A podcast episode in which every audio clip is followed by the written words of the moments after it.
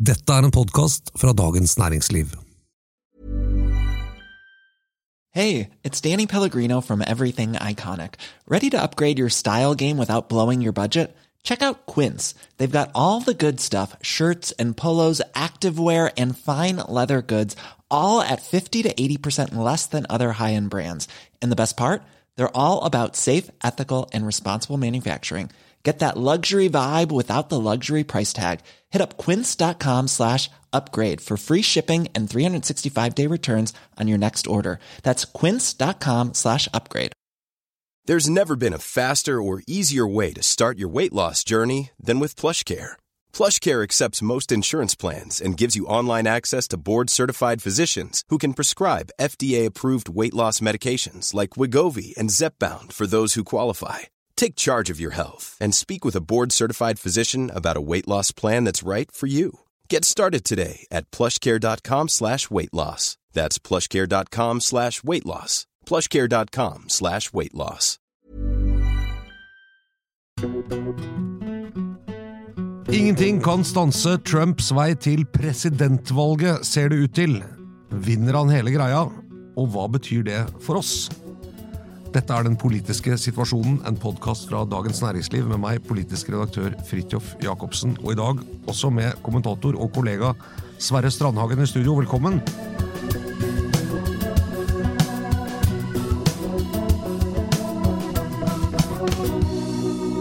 Takk for det. Sverre, la oss begynne med siste døgn. Hva skjedde i New Hampshire denne uka? Nei, det skjedde det litt det samme som skjedde i Iowa uh, for uh, kort tid siden. Uh, Trump vant igjen, ganske klart. Og Nikki Haley hun, hun gjorde det ganske greit, men hun burde gjort det kanskje bedre hvis hun skulle ha hatt noen sjanse mot Trump. Var dette som forventet? Ja, jeg vil si det. Det var rimelig i tråd med meningsmålingene på forhånd. Um, som har vist at Trump har uh, hatt veldig stor og sterk oppslutning i disse to delstatene. Er Nikki Haley, som nå er den eneste motkandidaten på republikansk side til Trumps eventuelle kandidatur, da, er hun nå egentlig ute av dansen i dette valget? Ja, det er mange som har lurt på det, om hun kanskje nå skulle trekke seg fordi at uh, man tenker at uh, disse økonomiske støttespillerne på Wall Street vil de nå satse mer penger på henne. Men uh, litt overraskende var hun veldig offensiv i natt, eller norsk tid, da, og sa at nei, hun skal kjempe videre, og hun sikter da mot South Carolina, som kommer 3. februar, er det da, nominasjon der. Og den, det valget må hun nesten da vinne, skal hun ha noe sjanse. Iowa, en ganske sånn rural stat, ganske konservative og, og egentlig Trump-vennlige velgere i det republikanske partiet. New Hampshire, en litt annerledes uh, sammensetning, en litt annen valgordning også, har jeg forstått. Hva med South Carolina, hvordan er sitsen, hva slags uh, stemning er det i den republikanske leiren der? Nei, det, altså, det er jo da hjemstaten til Nikki Haley, ja, hun var guvernør der. Så man skulle kanskje tro at hun lå godt an på meningsmålingene, men nei, det er faktisk også der som Trump da leder an. Ja. Så sånn som det ser ut, så, så, så går det mot en Trump-seier der også. Haley har jo vært ganske hva man si, aggressiv i sin valgkamp mot Trump. Det blir kanskje ofte sånn at hvis man går til valg mot Donald Trump, så handler det mye om han, og ikke så mye om seg selv. Hadde dette noen form for appell i deler av det republikanske velgermassen, så kan man se det? Ja, jeg vet ikke om jeg ville sagt det på den måten. Jeg ville si det sånn at Trump er seg selv lik. Han har slenger med leppa og er frekk og omtaler Nikki Haley som fuglejern og, og, og, er veldig krass i måten han beskriver henne på. Og Nikki Haley har egentlig lenge vært ganske forsiktig, vært saklig, vært ordentlig sånn typisk politiker. Men, mens helt på slutten så, så, skjønte hun at hun kanskje måtte ta i litt mer. Så de siste dagene så har hun begynt å snakke om at, at uh, det er grunn til å sjekke alt Trump sier om henne, fordi uh, den som lyver, han fortjener heller ikke å vinne, og den type utsagn. Uh, så hun slo litt tilbake, men det er jo på et helt annet nivå da enn det Trump er. Så South Carolina kan kanskje bli eh, den siste reelle duellen i dette primærvalget. Taper hun der i sin egen hjemstat, da er det vel kjørt, kanskje? Ja, jeg ville tenke det. Eh, men eh, det er klart det er jo veldig mange delstater og mye valg, og vanligvis er det jo sånn at eh, det er denne 5. mars, da, den supertirsdagen, hvor det er, er 17 delstater eller noe sånt som skal ha nominasjonsvalg. Um, som vil være liksom uh, Man kan si ganske sikkert hvordan ting går. Men, men, med Trump så er det litt annerledes, og han har startet ganske bra. Um, og han har lagt veldig vekt på disse tre første delstatsnominasjonene, fordi at det er jo en rettssak også i Høyesterett som kommer i februar, 6. februar. Eh, og strategien har åpenbart vært å vinne de tre delstatene veldig overbevisende eh, i forkant av den rettssaken. Eh, hvor han altså, ikke sant, hvor denne øverste domstolen i Colorado fant ut at Trump kunne anklages for å være oppvigler, og dermed ikke være valgbar hvordan han, eh, på grunn av hvordan han opptrådte eh, i 6.1.2021 og stormingen av Kongressen. Og Høyesterett, altså i den høyeste høyesterett, det er jo mange høyesteretter rundt omkring i delstatene, men de skal nå avgjøre om det var et gyldig eh, vedtak i Colorado. Nettopp. Um, de fleste vil vel mene at at kanskje ikke Høyesterett vil ta i den saken ordentlig, men, men si at dette må, må, velgere i valg avgjøre. Og det er jo selvfølgelig det eh, Trump håper på. Hvis Trump da blir stående som eneste kandidat uh, allerede om uh, ja, uh, drøye knappe to uker, mm. så er det jo lenge til selve valget i november. Hvordan kan det påvirke dynamikken i selve presidentvalget, tror du? Nei, altså det er jo selvfølgelig et poeng da at oppmerksomheten om eh, Trump eh, vil bli litt mindre. Ehm, det vil bli en roligere fase, med mindre det skulle skje noe overraskende på demokratisk side. Men eh, det virker jo som at der blir det da Joe Biden, ikke sant, ehm, og at det blir Trump mot Biden. Ehm, så, så jeg, kan se for meg på en måte at, at det blir en mer ja, presidentvalgkampen starter på en måte egentlig litt tidligere enn vanlig, mm. Eh, ved at det er åpenbart at det er disse to som skal på en måte kjempe, og at det blir avklart veldig tidlig. Mm. Så da vil vi kanskje se flere angrep på Biden, eh, og ikke så mye på republikanske rivaler fra Trumps side? Ja. Det kan man lett tenke seg. Mm. Og det er kanskje et litt annet game, for da snakker han jo til langt flere enn de som skal stemme i republikanske primærvalg. Nettopp. Ja.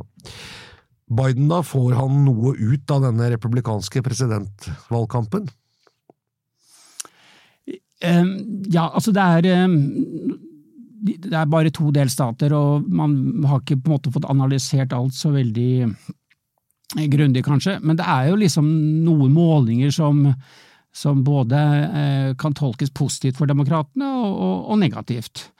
Eh, på den negative siden så, så, er det jo noen målinger som viser at faktisk entusiasmen hos, hos grunnplanet, eller, eller, eller den, den, det man kaller basen hos Trump, da, eh, de, den er veldig stor fortsatt. De eh, elsker Trump, de heier på Trump, og de alle disse rettssakene de bare de, de preller av, det de bryr de seg ikke om.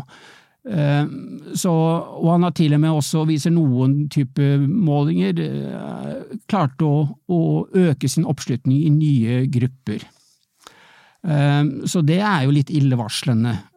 Og samtidig så er det noen andre målinger som viser at Trump ikke har så stort gjennomslag hos såkalte uavhengige, eller de som, som ikke er sikre på om de vil stemme på republikansk side i utgangspunktet. Ehm, og at eh, det, det, det, virker jo på en måte negativt for Trump og positivt for Biden da, når man tenker på presidentvalgkampen. This is Paige, the co-host of Giggly Squad, and I want to tell you about a company that I've been loving, Olive and June. Olive and June gives you everything that you need for a salon quality manicure in one box. And if you break it down, it really comes out to $2 a manicure, which is absolutely insane. It's also so easy to get salon worthy nails at home with Olive and June. The difference between how your nails used to look when you did them yourself and now with the Manny system is a complete game changer. The best thing about Olive and June too is it's a quick dry, dries in about one minute, lasts for five days, and full coverage in up to one to two coats. Visit oliveandjune.com slash perfectmanny20 for 20% off your first system. That's oliveandjune.com slash perfectmanny20 for 20% off your first system. It's that time of the year. Your vacation is coming up. You can already hear the beach waves, feel the warm breeze, relax, and think about work. You really, really want it all to work out while you're away. Monday.com gives you and the team that peace of mind. When all work is on one platform and everyone's in sync, things just flow wherever you are. Tap the banner to go to Monday.com.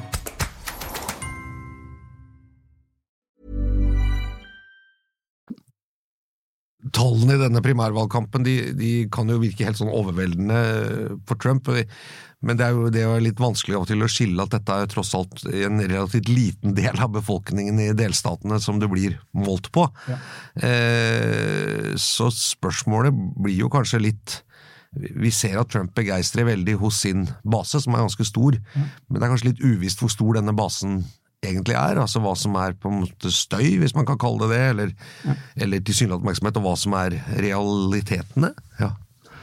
Ja da, det har du helt rett i. Men samtidig så er det jo da disse nasjonale målingene som på en måte prøver å lage da en, en, en, kamp mellom Biden og Trump. De viser jo et slags overtak for Trump. Um, så det er vel en indikasjon da på at han, ikke, at han ligger ganske greit an husker fra valgkampen i 2020 at den ble en slags folkeavstemning om Trump, både som fenomen og president. Mm.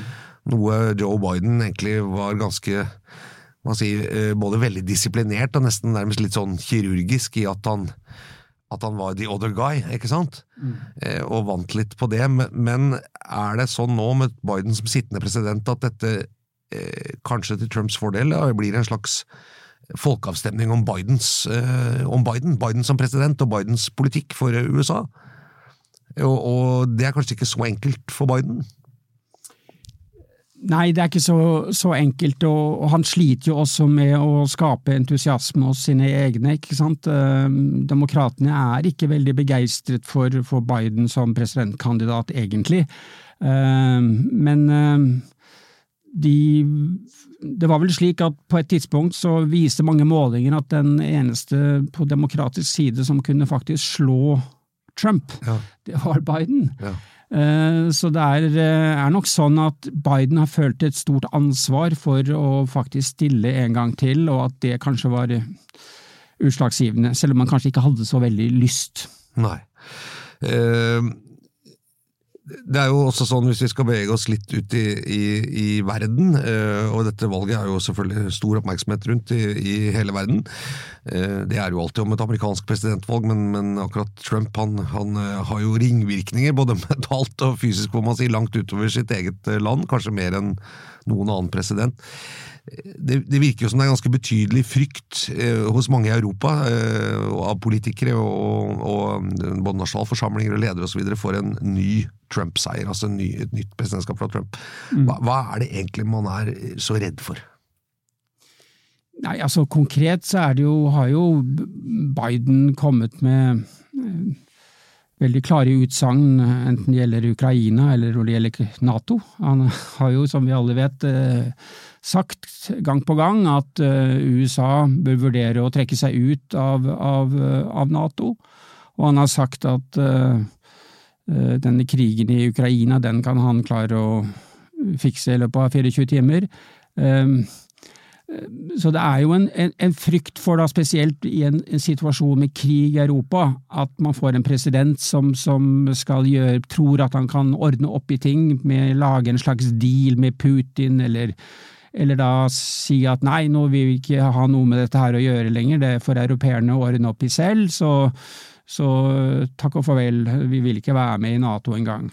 Det er jo den type forestillinger man har. Nå er det jo ikke så enkelt, da. For eksempel dette med Nato, så er det jo sånn at en ganske interessant sak, forresten. Det er at rett før jul, i, desember, så fikk en demokrat Tim Kane og en, en, republikaner, Marco Rubio, gjennom et forslag i den amerikanske kongressen som sier at en amerikansk president kan ikke trekke USA ut av Nato alene. Det må faktisk være et flertall i Senatet. Ehm, så, så, vil noen kunne si at ja, men det spiller ikke så stor rolle. Det Hovedpoenget er at hvis, hvis Trump sier at USA ikke vil eh, bistå Europa, eller komme noen allierte til hjelp, så, så er det jo har man jo tapt, tapt, likevel, fordi eh, det er jo det det handler om. Det er tilliten til at USA faktisk skal komme og bidra. Det er det denne sikkerhetspakten egentlig eh, er poeng med. Mm. Det er jo litt interessant dette med Ukraina, fordi mitt inntrykk er jo at eh, i dag så, så, er jo Europa stort sett veldig eh, konsolidert i sin støtte til Ukraina. Det er veldig tydelige punkter. Eh, fordømmelsen er veldig sterk, den militære støtten er sterk. Vi så jo denne uken at Nato eh, kjøper enormt mye artilleriammunisjon i Norge. Vi ikke sant? Er, vi sender kamp, kampfly osv. Det, er, det er ganske stor til med fra land som pleier å være forsiktige. Men da selve invasjonen skjedde i opptakten, så, så er det jo i hvert fall mitt inntrykk, jeg vet ikke om du deler det, at det var USA som på en måte fikk Europa til å slutte rekkene og bli eh, med støtte til Ukraina eh, i 2014, da, da, egentlig Putin gjorde det samme, ikke så dramatisk, men tok Krim og, og deler av Øst-Ukraina, så, så, var jo tonen i Europa veldig forsiktig, og egentlig man bare lot det skje. Og, vi har jo sett denne filmen om Macron ringte Putin, at det satt ganske langt inne på europeisk side liksom å gå til dette, men, men at det amerikanske lederskapet var veldig sterkt. Eh, så hvis USA nå velger å si at vi ønsker ikke lenger det, så, så det, Man kan kanskje altså, få inntrykk av at, at det er Europa først som satte liksom fronten mot Putin, og så kom USA med, men det var jo ikke helt sånn, ikke sant? Nei. Nei, jeg er helt enig. Nei, USA viste imponerende lederskap, vil jeg si, um, i hele denne, i denne fasen. Og um, uh, uten USA så, så, hadde det gått veldig dårlig med Ukraina. Um, nå kan du si at uh, etter hvert så har europeiske land stilt opp, og de har bidratt mer og mer, og det har jo vært Vi vet jo uh, dette med Seitenwende i, i Tyskland, og, og Polen ruster kraftig opp, og, og, og, Sverige og Finland? De, de, følger opp etter at de nå blir med, medlemmer av Nato. Så, så, det skjer mye også i Europa, men, men jeg, jeg, jeg, er faktisk veldig positivt overrasket over det lederskapet amerikanerne har vist under Joe Biden når det gjelder sikkerhetspolitikk og det gjelder Ukrainas støtte. Ja, og, og grunnen til at jeg trekker det fram, er jo det at man kunne jo tenke seg en situasjon der USA sa vel, eh, en invasjon i Ukraina det er ikke noe vi liksom setter så høyt på agendaen. Mm. Eh, og dermed så ville det kanskje vært litt eh, muddle through, eller ja ja, så, eh, så, dette skjer. Russland har jo gått inn i andre naboland uten at det har fått denne reaksjonen før. Eh, men man oppfattet allikevel ikke at det ville vært en sånn utfordring til hele sikkerhetsarkitekturen og Nato og, og den liksom transatlantiske garantien om at amerikanerne kommer og hjelper Nato-land, hvis Russland gjør noe militært. Så, så det var noen ganger så syns jeg at man kanskje må skille dette litt, ettersom Ukraina da heller ikke er, er Nato-medlem. At man, man, kunne tenke seg et USA som ikke ville vært så frampå med å prøve å, å redde Ukraina fra, fra, Russland, men at det likevel ikke ville betydd at liksom Nato var svekket, hvis du skjønner hva jeg mener. Ja. Mm. Eh, så det, ja, det, det, er, det, er, nesten litt sånn rart å høre nå alle europeerne som nærmest omtaler det som om, om det var vi som først forsto i Europa at dette var en utfordring mot europeisk sikkerhet. Min, min oppfatning var at det var USA som først forsto at dette var en trussel mot europeisk sikkerhet. Absolutt. Eh, men Trump har jo vært president før, eh, fra fra 2017 til begynnelsen av 2021, da, de fire årene. Og oppsummeringen etter den siste perioden, eller den som gikk der i Europa, gikk det så gærent, da? Egentlig? Nei um, Det var jo mye hullumhei, og det var jo mye drama. Eh, og mange merkelige uttalelser, det var det.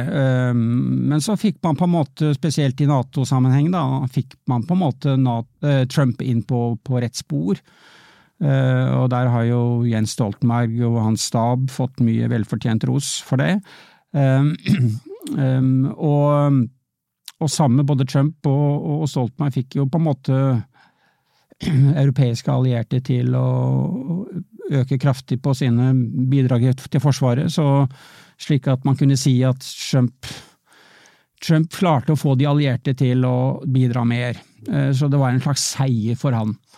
Um, og det er, ja, vi kan, kan, stille spørsmål om det var Trump eller, eller, krigen i Ukraina som fikk fart på disse tingene uh, ordentlig, da, men, men, men uh, begge deler har hatt betydning, iallfall. Men er det noe man ser at, det, at, noe kan bli helt veldig annerledes? Vi vet at Trump han sier veldig mye. Eh, ikke sant? Det er veldig mye store ord, og han har jo også en egen glede av, og kanskje også strategi, å sette opp ting i veldig sånn polariserte ja. oss mot dem. Ja. Altså, rettssalsdynamikken er jo nesten skapt for en som han, ikke sant? Men, men, men, er det noe man ser som man tenker at nå blir det helt annerledes? Altså Er det en mye dypere politisk utvikling i USA hvor, hvor Trump står for virkelig altså, å forlate Europa, eller forlate verden? Eh, i, i motsetning til sist, da? Eh, jo, altså det er en isolasjonisme som preger eh, Amerika, Amerika generelt, og republikanske partiet spesielt. Og det er en oppfatning om at vi har bidratt så mye rundt omkring i verden at det har vi ikke råd til. Vi er overstretched, som de bruker å si. Og hvis vi skal konsentrere oss om noe, så er det Kina, ikke sant. Det, det ligger veldig dypt uh, i, republikanske partiet nå. Um, og ikke bare der, altså det er jo også langt inn uh, hos demokratene. Uh, så for eksempel det at altså Trump snakket jo også i forrige runde om, om å få slutt på disse endeløse krigene. Men Biden fulgte det opp, fikk slutt på Afghanistan, ikke sant, eventyret. Uh, ikke på en helt heldig måte, kanskje, men, men de satte en stopper for Afghanistan-engasjementet. Uh, og så dette, dette, dette, er liksom tendenser man ser tydelig i, i, i USA. Samtidig så er det også slik at mange både demokrater, men republikanere også, som ser at skal USA ha en troverdighet når det gjelder Kina, og være en troverdig partner for, for Taiwan eller for andre asiatiske land, så må også USA opptre med troverdighet i forhold til europeiske allierte. Mm. Eh, og den type argumentasjon kan det hende også at, eh, at Trump innser, altså at, han, eh, at, det har noe for seg. Mm, mm. Det kan man jo håpe på denne sikkerhetsalliansen mellom USA og, Europas demokratier, den, jo, den, har jo formet verden kanskje helt siden første verdenskrig, egentlig. Eh, da amerikanerne kom i, i 1917. Eh, men spesielt etter andre, da. Og også den amerikanske både populærkulturen og historien og sånn er jo eh, veldig full av Eh, av helteberetninger og, og, disse store figurene fra liksom, The Greatest Generation og de som var og slåss eh, i Europa, særlig. Det er mange som slåss i Stillehavet, men, men Europa har liksom en helt egen krigsfilmer og, og helter osv. Så, videre. så det er liksom vanskelig å forstå at dette med å liksom bryte det båndet, eh, kan det virkelig gå hjem liksom, i, den, i den amerikanske befolkningen? Er det noe, en utvikling der vi ikke har sett? Um ja, jeg, det er et stort og godt spørsmål. Um, jeg vet ikke om jeg har veldig gode svar. Det er, det er jo liksom en blanding her av um, altså, Republikanerne har jo tradisjonelt sett vært veldig Nato-tro. Uh, de har jeg, jeg, tror på et tidspunkt i Kongressen så var det liksom 80-90% som var for Nato, mm. ikke sant? Men, eh, men, men, det republikanske partiet har jo endret seg helt. Det er ikke noe John McCain-republikansk parti igjen. Eh, det er på en måte eh, et, et nytt type arbeiderklasseparti, mm. som Trump de facto egentlig leder av. Og, og, de er ikke så opptatt av sikkerhetspolitikk lenger. Um, og det er jo et stort spørsmål, da, og de som nå skal bli, velges inn i Kongressen og igjen til, uh, til høsten. Uh, så hvilke type mennesker det, det, blir, det vet jeg ikke jeg helt uh, ennå, men, men, det blir altså veldig spennende. Nå har vi kanskje vent oss litt i det, men jeg husker i begynnelsen var det veldig sånn sjokkerende. Republikanere var jo også ganske antirussiske, og var jo veldig haukete med Sovjet osv. Du husker jo Reagan, blant annet. Ja. Eh, tear down this wall, ikke sant, og Mr. Gorbatsjov, og, mm. og ganske sånn tøff eh, tone eh, mot kommunister og, eller, og Sovjet i det hele tatt. Og Russland, eh, det er jo en helt sånn forandring at ikke republikanerne er de som er mest anti-Russland, ja. egentlig. Eh, du nevnte Taiwan. Eh, er det noe man liksom fanger opp der? Er det like mye frykt i Asia sånn for en Trump? Har han kommet med noe lignende utsagn om liksom sikkerhetsgarantier i Asia som han har gjort med Europa? Uh, nei, han, uh, han, har vel sagt noe i retning av at han kan ordne opp med Taiwan også, uh, men han, eh, der er han mye vagere. Han har vært veldig mye mer opptatt av eh, handelspolitikk og, og dette bytteforholdet da, mellom Kina og USA, hvordan, hvor dårlig amerikanerne kommer, eller USA kommer ut av det. Mm, mm. Så det er jo handelsmurer og proteksjonisme som er stikkordene der, tror jeg. Mm. Først og fremst. Hvis man skal uh, tenke i Vesten eh, at man ønsker å oppnå en form for goodwill, eller i hvert fall ikke badwill hos Trump, uh, som jo det er jo ikke noe behagelig tror jeg, å være i hans uh, søkelys, enten man er motkandidat eller hva som helst, hva er, kan, hva er noen som har veien til hans hjerte eller hjerne eller mage, eller hva skal man si? Nei, altså det er, Dette har vært litt fremme tidligere, men det er jo åpenbart at hvordan den forrige regjeringen under Erna Solberg, hvordan de opptrådte i forhold til Trump på det punktet der, det var ganske smart. De viste, altså Erna Solberg dro jo til, til Washington og fortalte, kunne legge frem dokumenter som viste liksom, og talløvelser som viste hvor mye Norge bidrar med liksom, i USA. da, mm. Amerikanske arbeidsplasser. og, og hvor gunstig det er for amerikanerne å ha noe med Norge å gjøre. Eh, både økonomisk, men også på sikkerhetspolitikken. Eh, og sånne ting, det, det faller jo Trump for. Ja.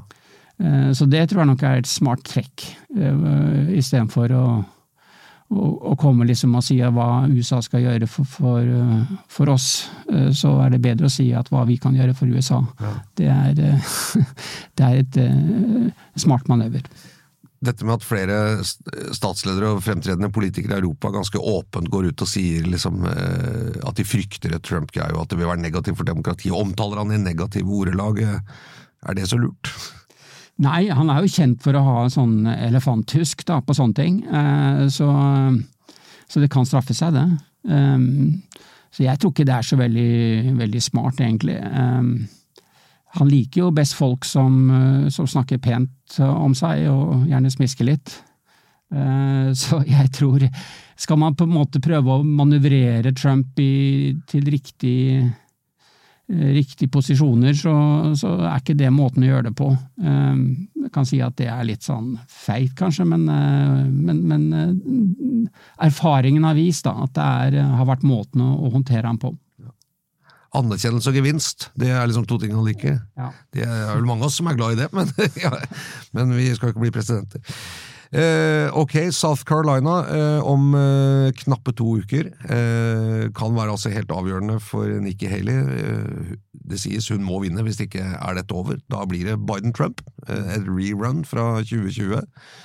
Det valget det tok jo mange mange dager før de hadde klart å telle ferdig, det husker vi jo. Så spent på om de har gjort noe med, med alle tellemaskinene i USA denne gangen. Et sånn uh, nytt sånn ukeslangt før resultatet skal over, det virker vel kanskje ikke helt eh, Kan jo kanskje bli litt skummelt, kanskje. Takk for at du var med, Sverre Strandhagen. Du er kommentator eh, her i DN, følger både det amerikanske valget og, og utenriks-, og sikkerhets- og forsvarspolitikk for oss. Den politiske situasjonen er en podkast fra Dagens Næringsliv. I studio satt Fridtjof Jacobsen, det er altså meg. og produsent var Gunnar Bløndal, og vi høres igjen neste uke.